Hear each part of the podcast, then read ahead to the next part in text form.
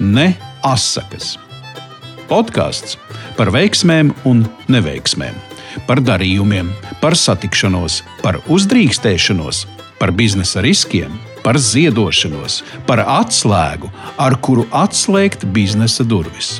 Podkāsts ne asakas. Esam kārtējā neasakas podkāstu epizodē, un eh, šodien mums ir īpašs viesis. Mēs runāsim kā vienmēr par un ap biznesa līkločiem. Un pie, šodien pie mums viesos ir Aigars Laurinovičs no SIA Kadence. Sveiki, Aigar! Sveiki! Un eh, šeit studijā, kā vienmēr, es Jolanta Derkvits Pilskunga un mans kolēģis Dēnis Pilskungs. Bet patiesībā es domāju, ka pats pirmais un svarīgākais jautājums, kas vispār ir kadence, ar ko nodarbojās kadence? Es izlasīju mājaslapā, kadence jūsu sabiedrotais IT pasaulē. Kadences pamat, pamat principā ir IT un datoru datoru parku uzturēšana, lietotāju atbalsts. Un šī devīze, sabiedrotais IT pasaulē, radās dēļ tā, ka tas mūsu darbības princips ir tāds, ka mēs darbojamies kā uzņēmuma IT nodaļa ārpakalpojumā. Jeb mēs esam vienots kontaktpunkts visos IT jautājumos, un tad atkarībā no tā, cik daudz ir nepieciešams klientam zināt vai varēt palīdzēt, tad mēs zinām, ko mēs varam izdarīt paši un kur mums vajag pieaicināt varbūt kādu partneri vai kaut ko citu, lai klienta vajadzību nokoptu. Un... Tas būtu kā grāmatvedis ārpakalpojumā. Ja? Vienkārši. Mēs uzturam IT infrastruktūru, jeb to sadaļu, kas ir dzelži un standarta programmatūra. Respektīvi, piemēram, operētāja sistēma, serveru operētāja sistēmas, serveru standarta programmatūra, serveru administrēšana, Tas pats Microsoft 365 administrēšana, tad lietotāju ieviešanas, lietotāju konsultācijas šajos jautājumos. IT kā tāds, viņš sadalās, informācija tehnoloģijas kā tādas, viņas sadalās nu, vairākos apakš, kā, varētu teikt, sadaļās. Ja. Ir tieši IT infrastruktūra, kas ir tas pamats, kas ir tāda bāze, tad uz viņas liekas virsū vispārējās tādas papildus mājiņas. Ja? Tad ir uh, standarta programmatūra, standarta operētāja sistēmas, un tad uz tām operētāja sistēmām jau liekas virsū dažādas informācijas sistēmas, kas nodarbojas tieši ar datu apstrādi jau mhm. tālāk. Nu, piemēram, tāpat grāmatvedības sistēma vai lietvedības sistēma. Ja? Un, uh, mēs nodarbojamies ar to, ka mēs to pamatu uzturam un nodrošinām tas, lai tas serveris vai tas dators nodrošina to, lai lietotājs ar to sistēmu varētu strādāt, un tas dators vai serveris visu laiku ražotu un neapstātos. Un nebūtu tā, jāuztraucās par vīrusiem, vai ne? Lai nebūtu jāuztraucās arī par vīrusiem. Protams, IT drošība ir nākamā sadaļa, kas liekas jau blakus. Tad uh, tas viss saliekās kopā tādā vienā lielā, tādā smukā. Bet, ja es pareizi saprotu, tad, tad, kad atnākat jūs, tas konkrētais uzņēmums savu IT speciālistu tur vienkārši palaist, lai viņš iet citur strādāt. Ja? Tautās. Tautās uh, var arī tā, mhm. bet uh, šeit ir īstenībā. Mm, jā, daudzi, daudzi vietējie IT speciālisti, nu, kas ir uzņēmuma IT speciālisti, jā, nu, viņi to tā uztver. Un dažreiz tā arī notiek. Ja, piemēram, piemēram, ir uzņēmums ar kaut kādiem, nu, tur nezinu, no 10 līdz 20 līdz 30 uh, darbiniekiem, viņam īstenībā nav izdevīgi uzturēt štatā sev IT speciālistu vai IT administratoru, tāpēc, ka uh, viņš pirmkārt viņš to var uzturēt principā viņu tikai vienu, jo nu, pietiekoši dārgi viņi maksā. Jo, tā ir. Mhm. un, Bet, lai tādam biznesa procesam, tādai ilgspējai un nepārtrauktai, viņi būtu vajadzīgi vismaz divi. Jo, nu, kā, kādā brīdī viņš ir iet atvaļinājumā, nezinu, aizbraukt ceļojumā, jā, vai, vai, vai saslimst. Visādi gadījumi var būt. Ja? Un, ja viņš ir viens, tad tajā brīdī, kad notiek šāds gadījums, tad uzņēmums principā paliek bez IT atbalsta. Tad viņam jāmeklē ir kaut kas, kas to var aizvietot. IT ar pakalpojumu gadījumā uh, uzņēmums dabūna jau veselu komandu. Viņam nav jādomā, vai tur man tajā brīdī, kāds būs atvaļinājums. Nu, jāsastāda gra atvaļinājuma grafiks. Jā, vai, jā, jā, vai, tā. nu, viņam principā ir 24, 7. Jā. Ir visu laiku tātad IT speciālists Jā, jūsu tā. personā. kā Jā. teikt, jā? Jā, jā. Nē, nu jūs jau esat vesela komanda. jā, mēs esam. Nē, nē, nu, bet ar personu es domāju, Jā, uzņēmumu. uzņēmumu, jā, tāds, jā, skaidrs. nu, Un tajā super. brīdī viņam radās drošība par to, ka jebkurā brīdī, kad viņam būs notiks datoru pro- kaut kāda problēma, datora negadījums, nu, nosauksim, ja, tad viņam būs telefona numurs, uz kuru piezvanīt. Vai e-pasta adrese, uz kuru aizsūtīt savu problēmu, viņam nu, tādā pārskatāmā laikā, nu, kā tur līgumos noteikti, attiecīgi reakcijas laikā, uz viņu problēmu tiks reaģēts un attiecīgi viņi tiks atrisināti.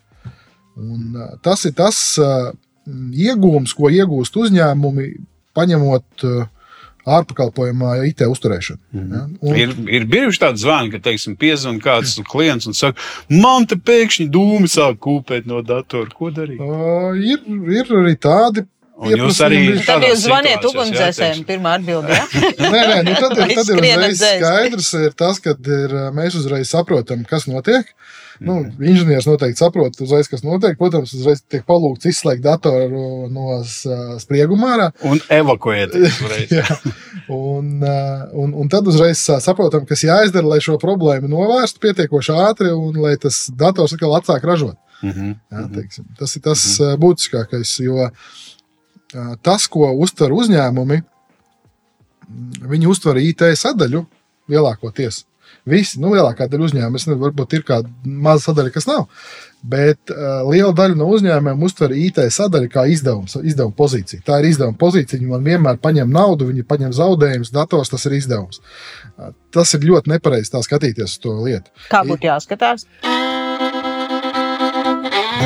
Nekad nejautā padomu kādam, kurš nav bijis tur, kur vēlēs doties. Tu podkāsts, ne asakas.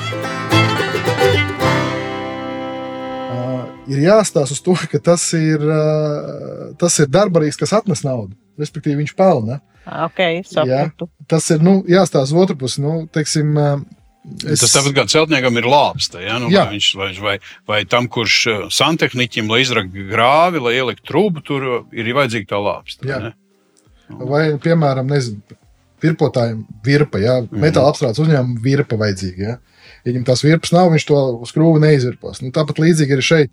Uh, viss mūsu mūsdienās viss ir uz, uh, datorizēts. Viss, pilnīgi visas sistēmas ir Pat tagad pat īsti pat nevar iedomāties, kur kādā ražošanā vairs nebūtu kaut kāda datorizēta vadība. Ja? Uh, Lielākā vai mazākā veidā, ja kaut kur ir maziņš, lielāks, pavisam liels dators, kas kaut kādu vada kādu procesu un kaut ko dara. Uh, Un, uh, līdz ar to, teiksim, skatīties uz to, ka tas, tā ir izdevuma pozīcija, ir pilnīgi nepareizi. Tas ir vairāk tas, ka tas, tas dators ir vajadzīgs, lai tu nopelnītu vairāk. Nezinu, noliktavā tu vari izdot vairāk preces, ja tev ir noliktavas sistēma, noliktavas uzskaita un, un darbinieks, kas var ātri apstīties pasūtījumus un viņus sakomplektēt. Tas pats arī, piemēram, tur dažādas citas nu, vadības sistēmas. Grāmatvedis var apstrādāt vairāk dokumentus, vairāk rēķinus, jo viņam ir uh, efektīva sistēma un viņa ātri un labi strādā. Viņš var, viņš var ātri ievadīt uh, dokumentus, ātri izveidot, piemēram, tas pats darbinieks var veikalā ātri izveidot pasūtījumus un tā tālāk. Un tā tālāk. Tā kā to visu var iet un skatīties. Labi, es sapratu. Kas ir tas jūsu uh, mērķa klients, mērķa uzņēmums? Lielais, vidējais, mazais, kas to var atļauties, vai uz ko jūs mērķējat, vai kas, kas ir tie jūsu klienti? Mūsu mērķa klients ir mazais vidējais uzņēmums. Tas ir uzņēmums līdz 100 darbiniekiem. Jo uzņēmumi jau virs 100 darbiniekiem viņiem jau paliek izdevīgāk, viņuprāt, arī izdevīgāk uz, izmantot jau savu iekšējo resursu, jau pieņemt savu IT nodaļu ar vairākiem darbiniekiem. Bet arī tādos lielos uzņēmumos mēs varam iet iekšā kā kādas sadaļas, tā teikt, Daļa. daļa, Daļa jā. no savas kādas sadaļas. Jā, teiksim, piemēram, tur mums ir lieli uzņēmumi, klienti, kur mēs, piemēram, esam kā datortīkla administratori. un Mēs uzturam tikai datortīklu. Ja? Vai, piemēram, ir kāds cits uzņēmums, kuram vajag tikai lietotāju atbalstu. Un mēs tur uzturam tikai datortehniku un, datu, un lietotāju atbalstu un atbildam par, piemēram, kā kontakta centrs, teiksim, zvanu centrs tur, un, un, un pieregistrējam lietotāju problēmas. Kā jūs izdomājāt, nu, radīt tieši šādu uzņēmumu? Jūs esat divi, es saprotu, ar partneri. Jā, kāpēc tieši šajā nozarē? Jā. Kāpēc? Kā radās, viss strādās ļoti vienkārši. Kā man teica viens mans draugs, lai tu radītu uzņēmumu, tev vajadzīgs ir viens klients. Un no tā ir radās kadence. Mums bija viens klients. Super. Pirmais klients, Super sapratām, ka viņam, ka viņam vajag iedot, iedot pakalpojumu. Un tāpēc mums ir vajadzīgs uzņēmums, kāda forma, lai mēs varētu izrakstīt normālu rēķinu. Un tad mēs ar draugu Viktoru sēdējām teikt, vienā ēstuvē, un, un, un tad ģenerējām visādas domas, kāds varētu būt nosaukums un, un, un kā mēs varētu attīstīties. Un tad, tad tā radās arī kadence, kad mums bija viens klients. Mēs nodibinājām uzņēmumu. Uzņēmumu mēs nodibinājām 12. gada. Mēs svinam savu dzimšanas dienu 8. martā, par sieviešu dienu. Sanāca tā, ka mēs iesniedzām dokumentus. Es tur neatceros, kurā tur īsti datumā, februārī kaut kad, un 7. martā mums bija tā kā oficiāla reģistrācijas datums rakstīts, bet mēs tos visus dokumentus saņēmām 8. martā. Tā kā mēs 8. martā svinam savu dzimšanas dienu. Un tā mēs sākām ar vienu klientu, un tad, principā, pirmo divu mēnešu laikā ieguvām vēl vienu klientu. Un, protams, viss, ka nu, tie klienti pirmie jau nāk, kā jau visiem jauniem uzņēmumiem, caur paziņām, caur personīgām paziņām, ja, vai caur bijušiem darba kolēģiem. Un tādā veidā mēs to uzņēmumu arī sākām. Pēc tam klāt nāca nākamais mūsu jau tad, tad vēl darbinieks Māris. Tagad jau viņš ir līdziepašnieks, darbinieks Māris, kas nosāk nodarboties ar pārdošanu. Arī principā sens draugs. Un, un tad mēs viņu pieaicinājām, noticējām viņš kopīgai idejai, un tā radās kadence. Ar Jā, vienu klientu. vairāk kā desmit ideju. gadus jau. Nu, no ne? 12. gada, 11 gadu šogad. jā. 11 gadi. Forši, man prieks par jums. Ā, Kāpēc tieši IT? Tāpēc, kad, mm, tad, kad es mācījos par tā teikt, speciālistu dažādu, es man ā, pamat specialitāte ir radioelektronika. Esmu radioelektronikas inženieris. Bet tad, kad es 97. gadā beidzu koledžu, tad, ā, diemžēl, tā situācija bija tāda, ka radioelektronika bija nu, tādā ļoti tādā nolaistā stāvoklī un principā nebija kur strādāt. Un tad sāku strādāt, nu, sākam tur vienā, otrā servisā, un tad izrādās parādījās iespēja strādāt IT nozarē, nu, kur es sāku principā no pašiem pamatiem remontēt printerus. Un tā uz augšu, uz augšu, tur pēc tam vairākos uzņēmumos biju lietotāju atbalsta speciālists, sistēma administrators, nokļuvu līdz valsts pārvaldē, kur bija vairākās iestādēs IT nodaļas vadītājs. Un, eh, un beigās pat līdz tam, kad eh, kādu brīdi noteica val, visas valsts IT, IT attīstības politiku. Un, uh, un tad, uh, jā, 12. gadā tika radīts šis lēmums dibināt kadenci, un tad, uh, tas tā nāca tā samērā organiski, kad tas IT ir un infrastruktūra ir tas, ko tu visu laiku esi darījis. Un kad saproti, ka tu ar to vari tā teikt, pelnīt, naudu. pelnīt naudu. Un kadence ir kaut kas savs, vai Jā, ne? Nevis strādāt cita. Jā, tas ir kaut kas savs, un ar to, ar to var pelnīt naudu un radīt kaut kādu pievienoto vērtību tieši ar to. Un tas tā sanāca, jā, organiski. Un, protams, 12. gadā, kad mēs nodibinājām ar šo vienu klientu, es strādāju, principā, iesākumā pirmajā gadā divās darba vietās, lai nu kaut kā. Un tādā veidā tad, tā mēs arī aizgājām uz priekšu, un arī kolēģis, ar ko mēs dibinājām, viņš arī bija IT speciālists. Arī ļoti augsts raudas IT speciālists, un tad mēs kopā sanācām, sapratām, nu, ko mēs citu varam darīt. Nu, Podkāsts par atslēgu, ar kuru atslēgt biznesa durvis. Podkāsts ne asakas. No kurienes nosaukums? Kādēļ? Kadence nosaukums radās. Tas bija ļoti interesanti īstenībā. Tāpēc, kad, kā jau teicu, mēs sēdējām reāli pie vakariņu galda un ģenerējām dažādas nosaukumus. Un visi sēdi. Es jau pat neatceros, kādas tās versijas bija. Tur mm, IT kaut kas, ā, ar IT mēs tur mēģinājām tur vingrot IT priekšā vārdam, IT aizmugurē. Tur visādas tur variants, un īstenībā es nepatika. Un es vienā brīdī tur to lasu, un es kaut kādā meklēju visādus interesantus vārdus, nu, kas skan interesanti. Un reku, reku, forši skan vārds kadence. Nu, baigi forši skan. Man viņš patīk, kā viņš skan. Un Tas mans kolēģis saka, nu jā, nu, skan tā interesanti. Ko tas nozīmē? Kadens? Un Es tad- gribēju tieši prasīt, un ko tas Jā, nozīmē. jā, un kas nozīmē? Un tad tur mēs sākam rakt ārā un skatāmies, ka viņam tāda ir nozīme, baigi forši. Ir, ja? Vislabāk šo terminu zina sportisti, īpaši riteņbraucēji. Tas ir sporta un mūzikas termins. Nozīmē ritms. Ā, ritms ja? un, bet viņam ir tāda paplašināta nozīme, ka tas nozīmē tāda virzība uz priekšu. Man liekas, ka baigi forši nozīmē kadence, tāda ritms, tāda, un, tā, un tā nozīme, ka tā virzība uz priekšu, ka mēs gribam visu laiku virzīties uz priekšu, un baigi forši ņemam to vārdu. Un, un eh, kolēģis, ko mēs dibinājām uzņēmumu, viņš saka, jā, tiešām foršs nosaukums. Mm Mhm. -hmm. Tas Un Viņš arī filozofiski savalkās kopā ar to, ko tu teici, ka uh, dators ir jāuztver kā darbarīgs, kas tev nesīs naudu, un IT nu, nevis kā lieka izdevumi. Ja? Viņš tā savalkās, nu, ka tas, tas ir ritms, ko tu nedrīksti ierūs, ierūsināt, ja? kur Jā. Ir jā, jāpiemet eļļu nemitīgi. Uh, naktī arī saņemiet izsaukumus. Kāda ir jūsu tā, grafiks, dienas grafiks? Ir brīži, kad ar naktī saņemam izsaukums. Un tu Mums ir, celies un brauc? Uh, Komanda. komanda, jā, ja ir nepieciešams, ja ir tāds uh, gadījums, tad ceļamies un braucam. Jā, tieši tā. Nav variantu. Nav variantu. jā. Nu, kādam ir jābūt uh, spējīgam teikt, aizbraukt līdz klientam un to problēmu saprast, kā viņu risināt un viņu atrisināt. Jā, uh, IT. Uh, Arī par sistēmu administratoriem ir tāds joks, ja, kad, un arī par IT uzņēmumiem to varētu teikt to pašu, kad, kad labam administratoram viss strādā. Ja, viņš, viņš, tad viņš nestrādā. Ja viņš nestrādā, tad viņam viss strādā. Un, bet, ja viņam nestrādā, viņš strādā tik ilgi, kamēr viss strādā. un tas pats arī mums ir. Kad ja ir problēma, mums viņa ir jāatrisina, un mēs viņu risinām tik ilgi, lai viss sāktu strādāt, un viss atsāktu teikt, ražot, un uh, nebūtu aizturas un uh, citu mm, problēmu. mazāk jau darba nepaliks. Manuprāt, nu, 21. gadsimts un viss tikai aizvien paliek avansētāks. Jūs varat arī attālināt to visu darīt, un tā tālāk, es saprotu, bet, bet kā ir ar to drošību, teiksim, šajos Tieši tīklos?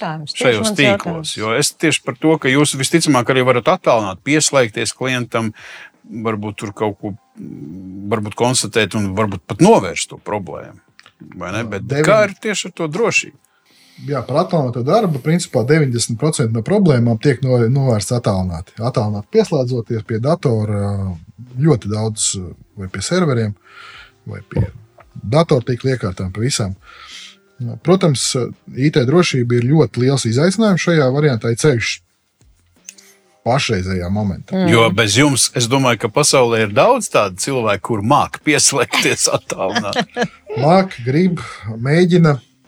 Jā, un ir ceļš pašreizējā momentā, kad mēs zinām, kas notiek. Ir ļoti daudz uh, dažādu mēģinājumu arī ielausties, nu, visiem saprotamu iemeslu dēļ. Tāpēc šī, šai drošībai ir ļoti liela nozīme, un mēs lietojam sistēmas, kas šo savienojumu visu šifrē, un mēs esam spējīgi šo datu plūsmu tādā veidā izmantot droši, lai to pakalpojumu arī sniegtu droši. Un, protams, tur ir iesaistīts viss, tur drošās paroles, dubultās autentifikācijas, dažādu ierobežojumu saraksti un nu, ļoti daudz visādu drošības, IT drošības rīku, lai nodrošinātu to, ka konkrētais pakalpojums tiek sniegts droši un lietotājiem un pakalpojumu saņēmējiem būtu pārliecība par to, ka viss notiek tā kā vajag. Ja? Un kad viņa teiksim, tā konkrētā tas palīdzības sesija vai jebkāds tur, tas, piemēram, datu plūsma neaiziet, neaiziet nekur citur. Jo pakalpojums kā tāds, IT ārpakalpojums, viņš ir saistīts nevis, ne, ne tikai ar IT drošību, kas ir viņas klasiskajā izpratnē, ja, bet viņš pat ir saistīts ar tādu kā uzņēmuma drošību, jo klients atnākot pie mums, viņš principā iedod savu uzņēmumu atslēgas un visu mums rokās. Jo mēs savā ziņā varam redzēt, varam tikt arī nu, pie jebkā. Ja, jo mēs bieži, vien esam tur serveru administratori, datortīkla administratori, visu. Ja, un, un mēs varam redzēt arī nu, ļoti daudz lietas, ja, kuras tur varbūt nav paredzētas visiem. Ja. Un tad tajā brīdī tas ir tāds uzticības bizness, ka tev ir jārada klientam uzticība par to, ka ka tas nekur netiks pirtī tiks, izrunāts. Jā, ka tas ne? netiks pirtī izrunāts, ka tas ne, neparādīsies nekur tur ārpusē un uh, nekur citur. Tāpēc uh, mums ir neliela, varbūt unikāla pieeja šim jautājumam. Pirmkārt, mēs vienmēr atrakstam līgumā līgumos visas konfidenciālitātes prasības, konfidenciālas lietas, un mēs principā uzskatām visu to informāciju, ko mums ir klients, par konfidenciālu, līdz mums klients nav pateicis kaut ko citu, par to, ka klients ir mūsu klients.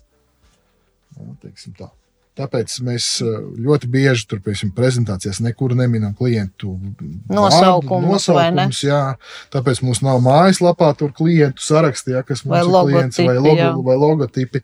Uh, nu, tas ir tāds. Uh, kam mēs ļoti īpaši pievēršam uzmanību. Un, un arī pievērsīsim uzmanību. Jūs mājaslapā nav klienta, tad ar jūsu portfolio iepazīties nevar. nu, gribi uzticēties, nu, labi, labi, es jau sapratu, tas jau tik tā. Jā, man jau gribās kādu jautru notu vienkārši, jo es jau sākumā sapratu, ka patiesībā biznesa zaļuma plaukst pateicoties ieteikumiem, kas patiesībā ir pats labākais variants. Jo... Jā. Jā, no mutes mutē. No mutes mutē. Uh, bet man ir, man ir jautājums par drošību. Es vēl negribu pabeigt par drošību. Nē, nē, mēs ilgi. Kas cilvēkam parastajam šajos trakajos laikos būtu jāzina par drošību? Kas ir tas ABC, labi, divu faktoru autentifikācija? Kas vēl? Nu, tā, lai nenograuj to datoru, lai nav asaras. Un... Bet nav jau tikai stāsts par datoru. Nu, saprot, ne tikai. Jo, jo, kam es dzirdēju, ka tur kaut kādiem putekļu sūcējiem varēja pieslēgties skaties, ko tur ķīnietis bija ielicis kaut kādas kameras. Var tavam televizoram pieslēgties, ja ir atstiņi televizorā. Tur varbūt Tik kaut kas ir mājās jādara. Ar... Galvenais šeit ir jāsaprot, ka no tehniskās drošības viedokļa, ja kā mēs šeit sākam runāt, ja tur paralēlis, divu faktoru mm. autentika, antivīrus, ugunsmūri, visādi citādi aizsardzības līdzekļi. Ja?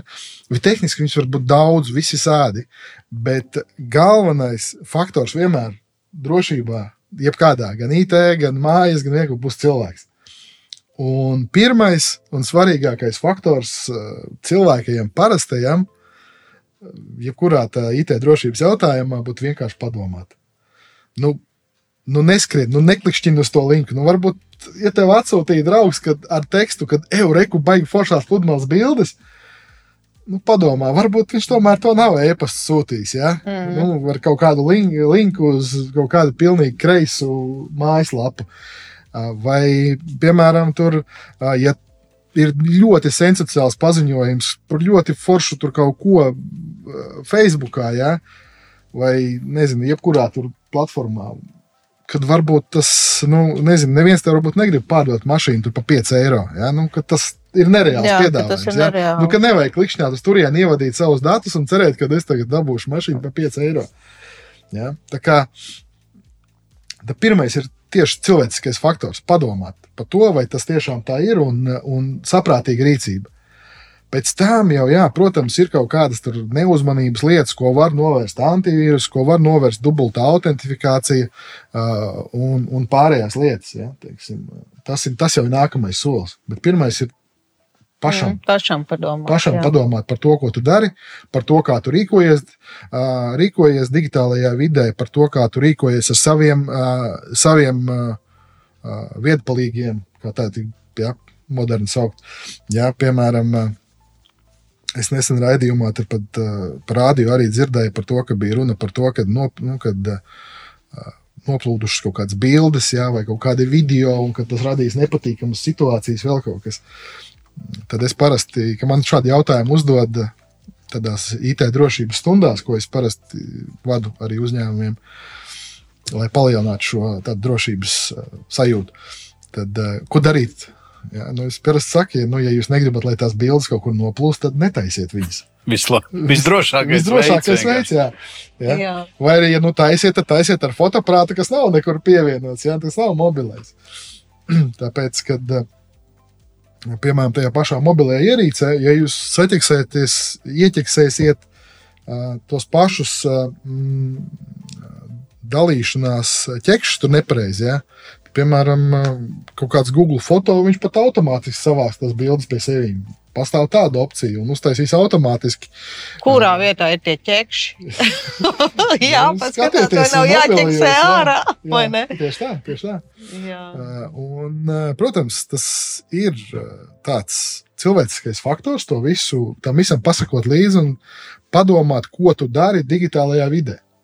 Padomāt, ko tu raksti. Ja kāds iedomājās, ka digitālajā vidē viss ir ad, anonīmi, nu, tad Nav, cilvēki nav. ļoti smagi maldās. Podkāsts par veiksmēm un neveiksmēm, par satikšanos, par uzdrīkstēšanos, par ziedošanos, prātulas par biznesu. Podkāsts ne asakas. Kā mākslīgais intelekts šo visu ietekmē? Mākslīgais intelekts īstenībā ietekmē pašlaik varbūt ne tik daudz, bet es tā domāju, tā ietekme ļoti, ļoti palielināsies kaut vai dēļ tā, ka, piemēram, tie paši teksta e-pastiem, pikšķerēšanas e-pastiem, kas nāk iekšā, kad, nu, kas ievilina cilvēkus. Kad, ja kādreiz tos rakstīja cilvēks angliski, iemet iekšā Google tulkotājā, un tad, nu, kāds viņš iznāk, tāds viņš iznāk, atsūta atpakaļ. Ja? Tad tu uzreiz saproti, ka šis nav kaut kāds foršs teksts. Tagad, tu iedo, iebarojot to tēmu mākslīgajam intelektam, pasakot, ka tu gribi tekstu latviešu, viņš jau iedod tādu nu, Tīri tādu labu. tīri labu tekstu. Jā. Jā. Un, un uz to var kāds var būt tās uzticīgāks cilvēks, viņš var norēģēt. Tā ir viena lieta. Protams, nākamā lieta ir tas, ka šādam mākslīgajam intelektam var iedot ā, uzdevumu savākt informāciju par kādu cilvēku, uzņēmumu, vēl kaut ko, un tad radīt jau tēmētas uzbrukumus šādā konkrētā situācijā. Uh, Ko mēs esam redzējuši klientiem, piemēram, mēs esam palīdzējuši tādi, kad ir uh, tēmētie tādi pikšķerēšanas ēpasti, ēpasti, kad jau konkrēti jau uh, tēmē uz kaut kādu uzņēmumu, uz kaut kādu teiksim, darbību, lai izveids kāds, kāds cilvēks izveids kādu darbību. Piemēram, ja uzņēmuma mājaslapā ir publicēti vārdi uzņēmumu vadītājam, galvenajam grāmatvedim, sekretāram, asistentam, tad, piemēram, var uh, noviltot e-pasta sūtītāju, aizsūtīt grāmatvedim, piemēram, e-pasta kā, no uzņēmuma vadītāja, lūdzu, samaksājiet tam un tam uzņēmumam tik un tik naudas. Mm -hmm. Ir bijuši gadījumi. Un tikai tāpēc, ka, piemēram, tur kaut kādiem maksājumiem ir zināmas procedūras, nu, piemēram, lielākiem maksājumiem, procedūra, piemēram, ka viņš ir jāapstiprina vēl vienam cilvēkam, tikai tāpēc tas maksājums nav aizgājis. Bet es tagad klausos un aizdomājos, jo šādā veidā ir ļoti jaudz, jo šis ir tas brīdis, kad visi ar visu kaut ko eksperimentē tieši ar to mākslīgo in- intelektu. Jo tas piedāvājums tagad gāžās no visām pusēm, un katrs grib kaut ko uzinstalēt savā datorā. Un, Bet tur jau nav nekādas garantijas, ka varbūt ka tur jau ir dota komanda, līdz ko tu uzinstalē. Šis mākslīgais intelekts jau darbojās tavā datorā un varbūt jau sūta informāciju. Arī. arī. Tas arī ir. Tas arī ir iespējams, un daļēji tas arī notiek. Jo, piemēram, kaut vai šiem pašiem mobiliem telefoniem. Principā standartā viņi jau dalās ar informāciju par jums. Mm. Piemēram, Android telefoniem visiem ir gandrīz vai fonā, viņiem ir uh, balss atpazīšanas uh, modulis, kas darbojas. Un es tagad jau nezinu, kādā jaunākās versijās neesmu pētījis, bet iepriekšējās versijās bija, ja, piemēram, tu pasaki to pašu OK, Google, viņš jau tev klausās. Jā, viņš, viņš tev var dzirdēt, vai, viņš, vai ja tas viņš izdomā, ka viņam bija pateikt šī komanda, viņš jau tev klausās. Un, piemēram, ā, tas, ko Google savulaik izdarīja, tu vari ieiet savā Google kontā un apstīties šos balss ierakstus, kurā brīdī viņš tev noķēris un viņš kaut ko ir ierakstījis. Uh, un tā informācija jau tagad tiek vākta. Ja, teiksim, mm. viņa, viņu automātiski vāc. Un, uh, un, un brīžiem vien, kad ja kādam šķiet, ka variet, nu, paranojas līmeni var pacelt līdz ļoti augstam līmenim, protams, ja, uh, bet uh, par to pašu klausīšanos, par tām pašām reklāmām, jā, tas notiek. Jā, nē, protams, ka tas notiek. Tas Jā. ir viennozīmīgi skaidrs. Un, ir aplikācijas, un, kas, kas klausās, kas, un, un kas pēc tam uh, piemēro tās reklāmas, ko viņš attēlo tam, ko viņš varbūt ir kaut kādā fonā Runājis. dzirdējis, vai vēl kaut kas Mm. bij- bijis. Uh, tie paši interneta pārlūki. Uh, uh, ir interneta pārlūkos, piemēram, ir, uh, ir, ir saites dažādas, uh, kur jūs aiziet, un viņi, kla- viņi skatās, kas jums ir blakus cilnēs vaļā. Piemēram, tam pašam Google Chrome. Tā viņi no tā, kas jums ir vaļā, vai no tā, ko jūs meklējat, nu, no kaut kāda konkrētā datora nākuši, meklējam, viņš uzreiz piemēro reklāmas, kādas jums viņš attēlos. Ja? Nu, piemēram, jūs tur meklējat, nezinu, uzgriežņa atslēgas. Uzgriežņa atslēgu uz 17, jā, vai kaut ko tamlīdzīgu. Nu, viņš sāk radīt uzņēmumu, uzgriežņa atslēgu komplektus. Mm. Vai, nu, tādas lietas. ā, Tā kā tas, Jā, jau, no- tas jau pamatā notiek ar, ar mākslīgo intelektu. Vienkārši tos datus visdrīzāk būs savākt vieglāk un apstrādāt vieglāk. Un, ā, Un būs ātrāk. vieglāk um, veikt šo atlasi, ja, nu, kas mārketinga. Nu, Targetēt konkrētos cilvēku grupas, veikt šos atlases, kas mārketinga droši vien visvairāk arī varētu interesēt. Jo cilvēks parastais visticamāk, es arī sev pieskaitu pie cilvēkiem parastajiem, ikdienā jau pat neaizdomājās, kas viņam ir datorā vaļā, tur tās cilnes atvērts vairākas, un tad brīnās, kāpēc pēkšņi, ja tu esi um, vienā no šitiem te elektrotehnikas veikaliem, kurš Latvijā šeit strādā, kaut ko skatījies, piemēram, kondicionieri. Un tad paiet viena diena, un pēkšņi tavā e-pastā iekrīt no šī paša veikala piedāvājums. Tu kaut ko aizmirsi apskatīt. Un tad ir jautājums, kā viņš zina manu e-pastu. Tad viņš zina, ka es no sava datora to esmu skatījies visticamāk. Ja, un, viņa veikalā kādreiz esmu kaut ko pircis, tāpēc viņš zina manu e-pastu visticamāk. Bet kā viņš zina, ka es to skatījos? Jo es jau nebiju ielogojies tajā veikalā. Tad, tad tas ir šis gadījums. Jā. ne? Ja. Un tas notika ar mani. Tāpēc es sev pieskaitu pie cilvēku parastā. Un tas notiek visu laiku. Tas notiek, Tas notiek laikam. visu laiku. Jā. Jā. Nu, vislabākais variants jau šiem, šiem algoritmiem savulaik bija uh, šīs Amerikas prezidenta vēlēšanas, kur bija, ja nekļūdos, Cambridge Analytics, jā, saucās uzņēmums. Un bija arī filma par to The World's, World's Greatest Hack. Mm. Iesaku apstīties, ja kāds nav apskatījies. Tas tā samērā labi paver acis par to, kā ar uh, digitālajām platformām, ar sociālajiem tīkliem var manipulēt ar cilvēku, vied, pat ar cilvēku viedokli un pat ar to, ko viņi darīs. Un, Nu, jā, viedokli jau var veidot, ko tev met ārā visu laiku, kur tu ej kaut kādos sociālos tīklos. Tev neskādēļ tās tie viedokļi izlaiž vai tās reklāmas izlaiž, un tādā veidā tev kodē pamazām. Aigar, kā jūs šīs zināšanas iepiniet savā biznesā? Uh, nu viens ir jūs nodrošināt servisu, bet otrs vai jūs arī izglītojat? Uh, Jo pirmīt, pirmīt pieminēja, lekcijas lasa uzņēmumiem. jā, tāds mēs saviem klientiem reizi, kādā noteiktā periodā, vai nu, pēc viņu vēlmes, vadam tādu, es viņu saucu par IT drošības stundu. ā, Kur es principā nu, tā aptuveni tādā cilvēku, vienkāršā Valodā. cilvēku valodā ja, stāstu par to, kas ir, ā, kas ir IT drošība, kā viņa teiksim, var iespaidot konkrētā lietotāja dzīvi, darbu, kam varbūt tādām vienkāršākajām lietām, kam ir jāpievērš uzmanība tajos pašos e-pastos, vai tur kā veidot paroli. Kā ir pareizi teiksim, veidot paroli, cik tur simboli, kāda jābūt, kāpēc vajadzīga divu faktoru autentifikācija un tādā, tādā uz priekšu. Jo viss ir principā saistīts ar šo informācijas apstrādi un informācijas drošību. Un, principā, ja cilvēki, ja šie klienti, darbinieki saprot daudz vairāk no IT drošības, tad Tev viss būs kārtībā un nebūs jāstrādā. Ne? Jā, man Es būs mazāk domu. Tieši tā, tieši tā. Tāpēc ir vērts ieguldīt zināšanās, vai ne klienti? Tāpēc mēs mācām šos klientu darbiniekus pēc iespējas vairāk, lai viņiem būtu, lai viņi būtu uzmanīgāki vienkārši. Un mums mazāk darba tieši tā. Es gribētu dzirdēt to drošības stundu. Man pilnīgi es ieinteresējos. jo es jau sāku pārdomāt, tā, kur man ķēkšķi jāpaskatās. Es jau pierakstīju filmas nosaukumu, The World's Greatest Hack. ir jānoskatās. Bet paranoja nesākās. Nu, ir, ir viegli naktī. Man liekas, ka gulēt. izseko kāds. Mani izseko, ja dienā dienā tu ņem un saskaries ar šādām lietām. Jā, un nē. Jā, un nē. Jā, un nē. Ja Nu, tas, ir- man jau liekas, tev tas varētu būt kā profesionālim, ka tas jau notiek zemapziņā automātiski. Tu zini, cik, ko drīkst, ko nedrīkst, cik tālu drīkst iet kaut kur, un tu jau savām darbībām seko līdzi. Nu, tas automātiski. tieši tā, tieši tā tas ir. ā, Tas ir tādā jau zemapziņā, protams, mm -hmm. ir iegājis, bet nu, ir brīži, kad tu piedomā, piemēram, nu, kad ā, tu gribi kaut ko parunāt ar, ar, ar kompāniju, ar kolēģi vai vēl kaut ko, un tu saki, "Davai, nē, noliekam telefonu ārpus, ārpus kabineta. Atstājam. Pat tik tālu. Pat tā tik nopietni, pat jā? Tik Jā. tālu. Mhm. Tā ir paranoja vai pamatojums? Iepriekš Piesardzība. stāstīta piesardzība vienkārši. Vienkārši piesardzība. Jā.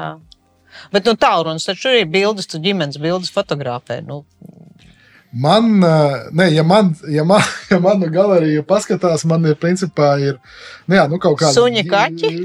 Ārkārtīgi Daži- neinteresanti. Jā. Dažas ģimenes bildes, bet principā Dzelži, jā. dzelži jā, mašīna, motori, riteņi, metinājumi vai vēl kaut kādas lietas. Kur nav datori, nekas serveri, slēpjams. Jā, tur, Nu, labi, bet tagad atzīsties.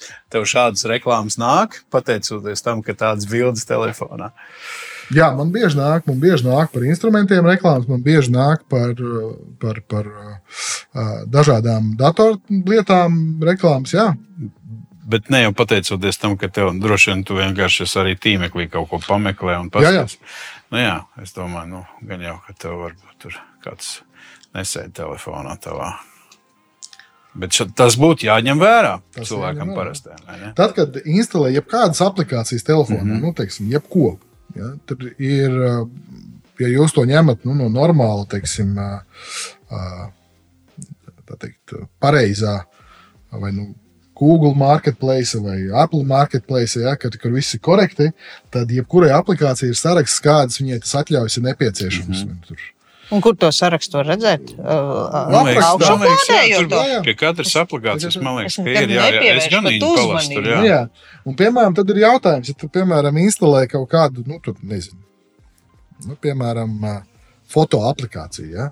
Un tad kāda vēlna pēc viņai būtu jābūt pieeja pie, piekļuvē pie jūsu telefona grāmatas. Taisnība. Nevajag. Ne? Nu, bet, ja es ne, nu, tad es nevaru dabūt to aplikāciju, ja es nepiekrītu, vai ne? Nu, tad tev viņu nevajag. Jā. Tad man viņa nevajag. Jo šo, ar šo nodarbojas arī regulāri. Man liekas, šis te, nu, kā viņam bija tas nosaukums, tur visi skatās tos video īsos. TikToks. TikToks. Nu, tur jau vispār viss dati Ķīnai pieder. jā, jā, nu, tur TikToks ir īstenībā tur uz ļoti. citas ierīces. Tas ir labs mārketinga kanāls, bet tas ir jādara uz citas Nu, ierīces. principā, lai būtu pavisam droši, jā, tas jādara. Jā. cits. To nevar darīt uz savu. Bet par aplikācijām, starp citu, ļoti interesants stāsts. Bija- Vienai valdībai mums ir soļi izaicinājums. Bija, Jā. ir, bija. Un, uh, es nezinu, īstenībā neesmu pamanījis, tu tur esi vai nē. Es, tu tur neesi, un es tagad saprotu arī, kāpēc tu tur neesi. Jo mums tur pievienojās viens kanādietis, un mēs viņu nevaram dabūt ārā. Kurš Nu, arī ir kaut soļo. kāda Grupa kaut Jā, kāda. nu, tā ir kur- slēgta grupa, soļošanas izaicinājums, Pacer. Pacer, pacer. Un uh, vienkārši ir pievienojis viens svešs cilvēks tai slēgtajai videi, un tu nevari dabūt ārā. Pacer, raksta Pacer. Un tas ir tieši tas stāsts, vai ne? Nu, šeit varbūt ir. tā- Šeit varbūt stāsts ir citur, kad ā, šīs konkrētās grupas administrators šo cilvēku varbūt vai nu ielaiž iekšā, vai viņš ar kaut kādu savu linku ir ticis klāt. Un tikai tāpēc viņš tur varbūt viņš tur parādījās. Tā kā visdrīzāk, ja grupai ir administrators, tad administratoram ir administratora tiesības, viņš viņu vajadzētu, viņam viņu vajadzētu varēt izmest. Ja vien tas kanādietis vien nav grupas administrators. Varbūt ka viņš jau sevi ir iecēlis par jau administratoru. Tā tas notiek arī mūsdienās, vai ne? Un, un, bet, bet šādas aplikācijas, no ko viņas? Viņas, piemēram, var savākt datus par jūsu atrašanās vietu. Es tulītās viņu instalēšanos. Jo viņam noteikti kaut kāds, varbūt GPS. Viņš jau Jā. paprasīs piekļuvi pie GPS, jā, pie GPS koordinātēm. Nē, nu, man liekas, iPhone jau pats par sevi ir visu laiku zina, kur tu esi. jā. Un to var Man- atslēgt. Idejas, kur atslēgt. ā, Jo man nu, vietu. tad ir jāatslēdz. Jo man, kā es iekāpu mašīnā, kā es viņu piedarbinu, tā viņš uzreiz čoks parāda, kur lai es braucu. Tas ir ā, konkrētās aplikācijas, kas jūs tur vada. Viņš ā, ir piefiksējis, tā aplikācija ir piefiksējusi, kad kaut kādi paradumi ir. Nu, teiksim, pēc vai no rīta, tur tad un tad visdrīzāk jūs brauksiet tur vienai vai tur vēl kaut kur. Un tad jau viņš automātiski piedāvā labāko mašīnu. Mm. It kā no vienas puses tas ir tā kā. Uh, viņi to No pasniedz vienas puses ērti. Jā, kā vai ne? ērtība lietotājiem. Jā, bet no otras puses tas puses- ir tie Mhm. dati. Podkāsts par veiksmēm un neveiksmēm, ne asakas. Bet Daigar, šīs visas vērtīgās lietas, patiesībā ļoti vērtīgās lietas, eh, ko šobrīd stāstīt, labi, viens ir jūs izglītojat savus klientus, klientu lokus. Otrs, vai jūs arī dodat to vērtīgo informāciju uz āru citiem, nu, kā es mārketingā parasti saku, gabaliņu no sevis, ar domu, ka tie varētu būt jūsu potenciālie klienti. Es nezinu, blogus vai varbūt kaut kādus seminārus ārējiem, jo nu, tie ir tādi muskuļi, zināšanu muskuļi, ko tu šobrīd stāsti. Nu, mums ir tā, ka tā noslodze mums ir pietiekoši liela, ka, ka nav mums, laika. mums nav laika īsti to visu darīt. Ja? Bet uh, mēs saviem klientiem mēs cenšamies, mēs cenšamies gan, gan šīs lietas stāstīt, uh, gan, ja mēs redzam kādus brīdinājumus vai, vai, vai paziņojumus par to, ka varētu būt kaut kādas tur uh, IT drošības tur problēmas, vai kaut kāds pamanīts, kaut kāds biežāks uzbrukums, vai tur, nezinu, pamanīts ir uh, konkrētā vīrusa vai izspiedēja vīrusa vai kaut kāda uzbrukuma lielāka izplatība, ja, tad, uh, tad mēs to parasti mēģinām saviem klientiem izsūtīt tādu, ka reku uzmanieties, ka varbūt tāds, tāds problēmas. Būt. Bet, nu, piemēram, es savā, tur kaut vai savā Facebook profilā, nu, es piesaku arī piesaku, piesakot, ja kāds to nav nedara, bet nu, lielākā daļa IT profesionāļu to dara, piesakot uh, CERTLV profilam, mm -hmm. ja, kurā viņi regulāri dalās par to, par kaut kādām uh, drošības aktualitātēm, par to, ko viņi vairāk ir konstatējuši. Tad es parasti cenšos to, ka, ja, ja ienāk no CERTLV kāda ziņa, tad viņi arī tā teikt nošārēt saviem draugiem, uh, saviem, savu, savam paziņu lokam, lai nu, viņi arī būtu tā teikt apziņot par kaut kādām IT drošības problēmām potenciālām. Bet, nu, IT drošība, protams, tas ir ļoti plašs lauks. Tur ir ļoti daudz speciālistu, kas, kas var visādi palīdzēt. Un, un tās lietas, kas ir teikt, jāievēro arī. Uh -huh. nu, man ir tāds praktisks dabas jautājums par drošību, par, par visām šīm antivīrusu programmām. Vai, vai tiešām viņas ir vajadzīgas? Jo Mm, es zinu, ka Windows operētāja sistēmā ir savu, savu kārtība un pat softs kaut kāds tur aizmirst, eh, Defenders, ne, kā viņš tur saucās. Un, uh, gan jau šiem telefoniem arī ir kaut kāda iPhone, taču tur nemaz tik vienkārši klāt netiec. Ja? Šodien pat man bija viens updates ar tā tālāk. Vai ir nepieciešams šīs antivīrus programmas? Vai viņas dod kaut ko papildus tam, ka jau tur varbūt oriģinālajā strādā kaut kāds? Jā. Dod vēl, jā. Dod. Un, uh, es izstāstīšu, centīšos izstāstīt, uh, kāpēc.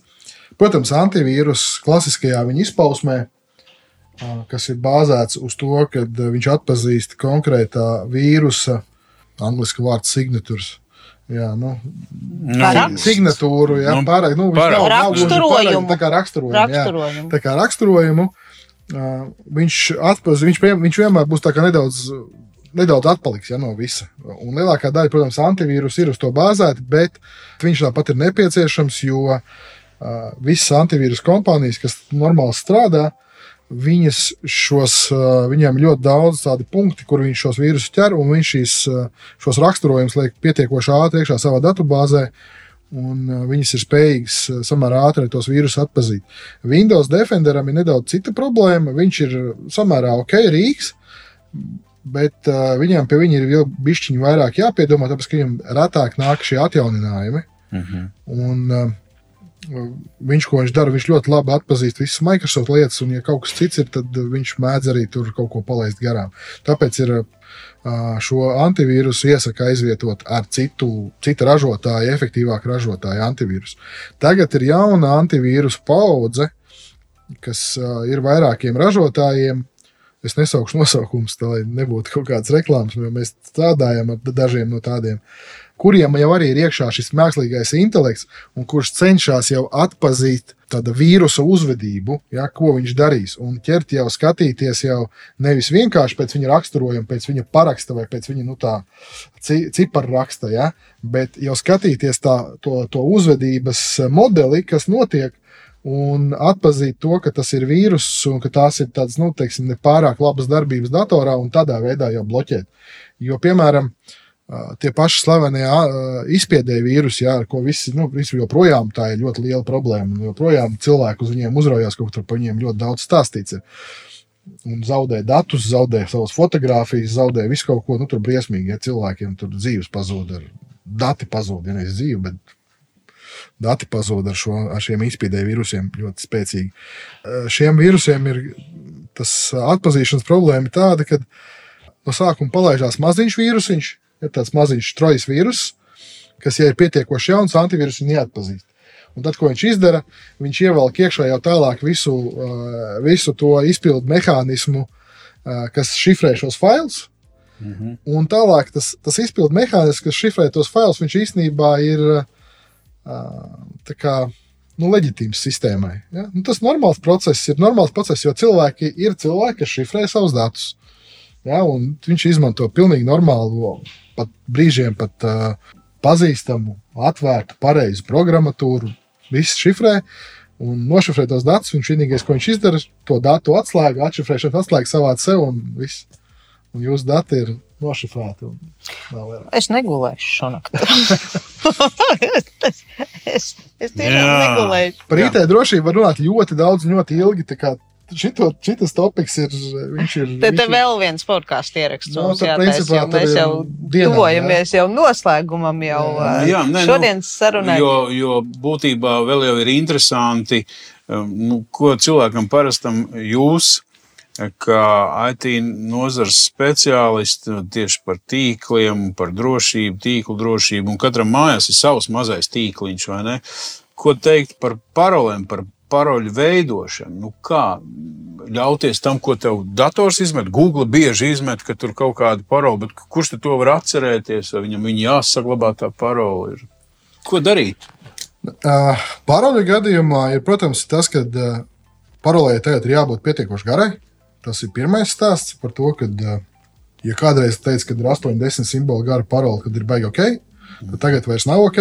Tāpēc, kad jā, pirms teiksim, trim, četriem gadiem tādu paroli tur lauza, tur teiksim, vidēji trīs mēnešus, tad tagad viņi tādu paroli uzlauž 40, minūte, 40 ah. minūtēs. Ārprāt. Lūk, un tāpēc tagad ir tām parolēm iesaka ieteicamais garums ir no, sākot no 12 simboliem. Tas, ko,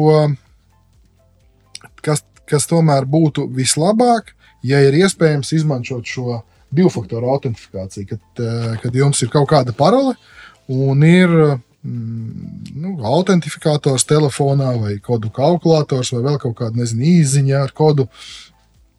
Vienalga kaut kāds papildus faktors autentifikācijai, eh, lai eh, jūs spējīgi kontrolēt šo pieslēgšanās faktoru. Jo mm, tas, kas notiek, ir parasti paroles var nop, noplūst Ļoti vienkārši kaut vai kāds uz, uzlikšana šo pikšķēšanas ēpastu, kuri paprasīs ievadīt kaut kādu paroli, viņš ievadīs paroli un tā paroli aizies.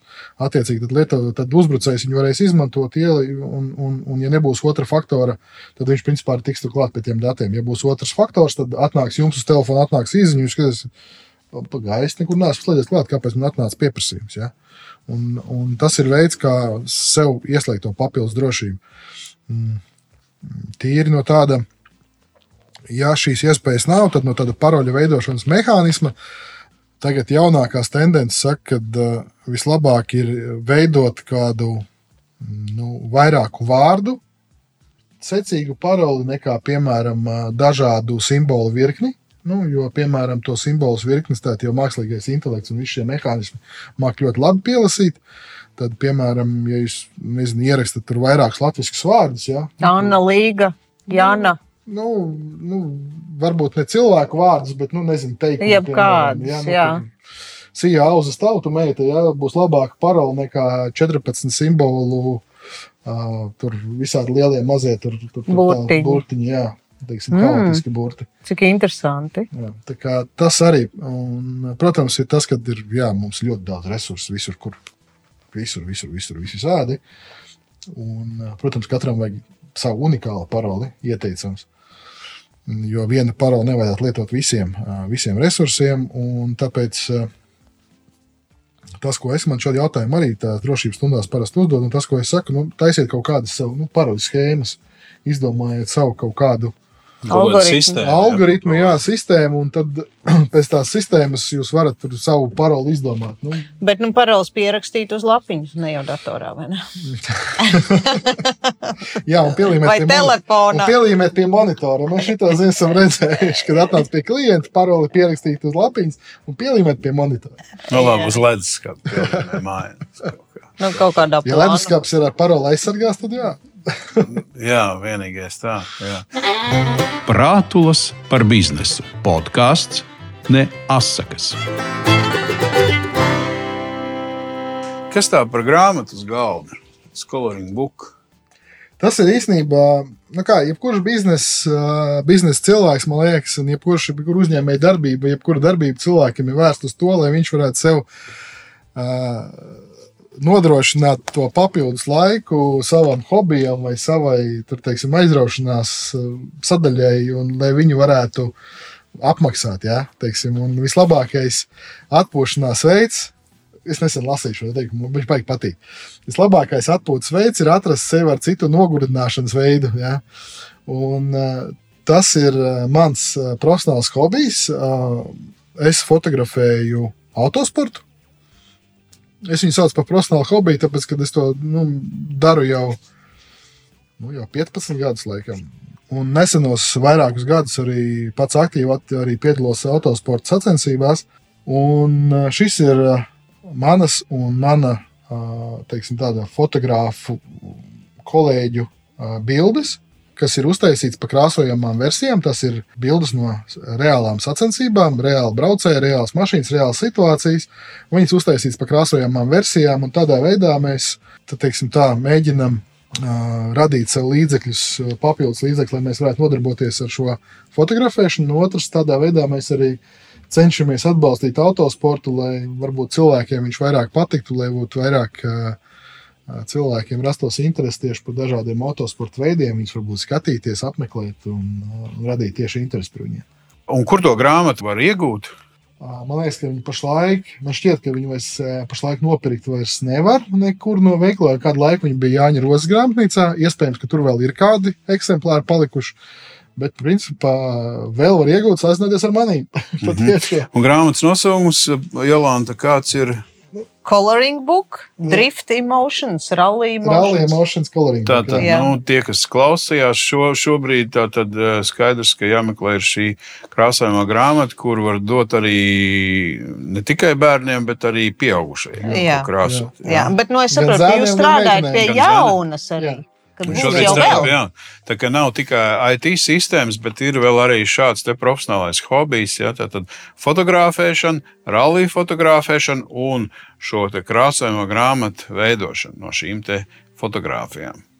Kāpēc man patīk braukt, piemēram, rallijā? Ja? Tas ir tās tādas sacensības. Nu, es konkrēti piedalos minerālijā, tas bija mazāks, bet nu, tāpat tas ir vesela diena, sacensība diena.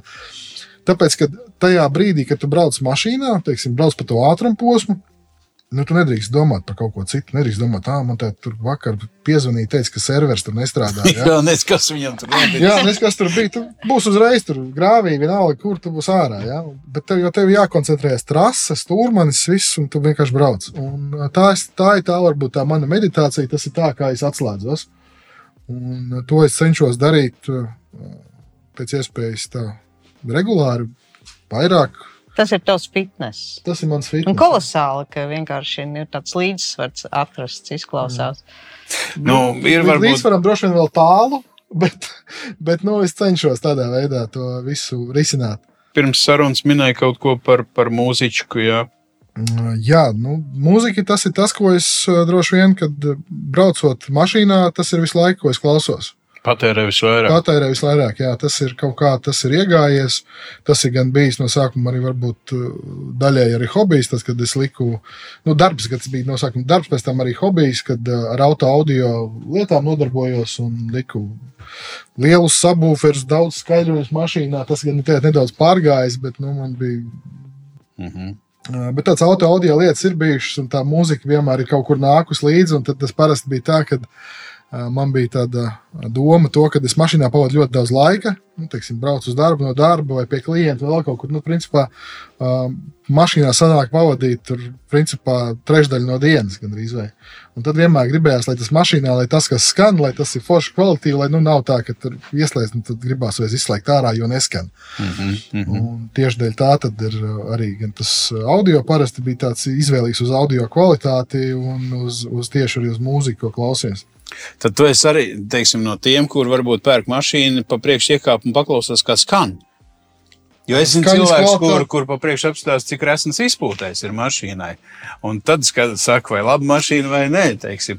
Es arī esmu tas, kurš, kuram ir svarīgi, lai labi skan. Ā, Skaņas kvalitāte ir Jā, ļoti jā. būtisks faktors. Ļoti būtisks faktors. Ā, Es gan vairāk mēs skatos no tāda viedokļa, ka tas ir price performance. Bet, ā, teiksim, ā, skaņas kvalitāte ir tiešām. Nē, nu, no, noslēpums ir, ir, ir, ir automarks, kurām vairāk vai mazāk ir pareizāk izvietoties skaņu, un lai tā skaņa būtu labāka. Ir tādas, kuriem vienkārši ir plasmas ielikt tur un lai viņi tur ļerkst kaut kā, kā es Jā. saku. Jā. Tā arī ir. Tā, tas ir ļoti būtiski. Jā. Mēs vienu no iepriekšējām mašīnām, ko mēs ņēmām tā teikt, darbam, nu, darba mašīna, darba auto, bija tā, ka atbrauc uz salonu, apsties smūgs auto, viss kārtībā, viss tur forši displeja, viss tur nu, viss no viss. Tā kā lidmašīnā. Jā, jā, jā viss, viss skaisti. Mēs, mēs ar Māri braucam, iekāpam iekšā, jeb iebraucam, mēs ieslēdzam radio un tā. Kas notika? Nebūs. Nebūs. Un es tā saku, viņš. Nu, varbūt radio tur nu, antenas likta Jā, vai jā. kaut kā nezinu. Esam. Nu, es ieslēdzu Spotify, ieslēdzu iekšā, nu, ieslēdzu Spotify. Tev kaut kas nepareizs Spotify. kaut kā neskan. Skan kaut kāds finieris, saka. Pilnīgi neskan. kā, un Tad mēs tā atbraucam atpakaļ. Un tad mēs sakām, nu jā, nu mums tā standarta audio sistēma ir tāda, nu, tad, ja gribat kaut ko labāk, tad jums jāņem tur tāda ekstra paka. Ok, skaidrs. Labi. Okay. Ir kaut kādi tuvāk vai tālāk plāni biznesā, varbūt. Es varētu arī paprasīt vienkārši, ko tu darītu, ja tu loterijā vinnētu 100 tūkstošus. ne, nekustamajā īpašumā un bērnos. Tas būtu pareizais ieguldījuma veids, bet, bet no tāda tālējošāka biznesa mērķa, nu, mēs jau esam. Jā, cik jau sanāk, 11 gadi. Tas nozīmē, ka mēs 11 gadus jau eksistējam un, un strādājam, un mēs augam katru gadu. Tad mēs kaut ko darām kaut nedaudz pareizi. Kaut mm. gan, nu, droši vien vēl daudz un daudz jāmācās. Arī nāc, starp citu, dod ļoti daudz īstenībā. Mēs par šo gadu, kopš esmu bijis, esmu ļoti daudz uh, iemācījies un sapratis. Uh, un tad, uh, jā, tas mērķis ir turpmāk arī augt un augt, saglabāt to pašu pieauguma tem- tempu, ko mēs esam uh, paņēmuši jau šos iepriekšējos trīs gadus, kas ir aptuveni no 15 līdz 30% gadā. Un šādu pašu pieauguma tempu uzturēt, un principā tas mērķis, tas, tas foršais mērķis ir kļūt par top 10 ā, IT apkalpošanas uzņēmumu Latvijā.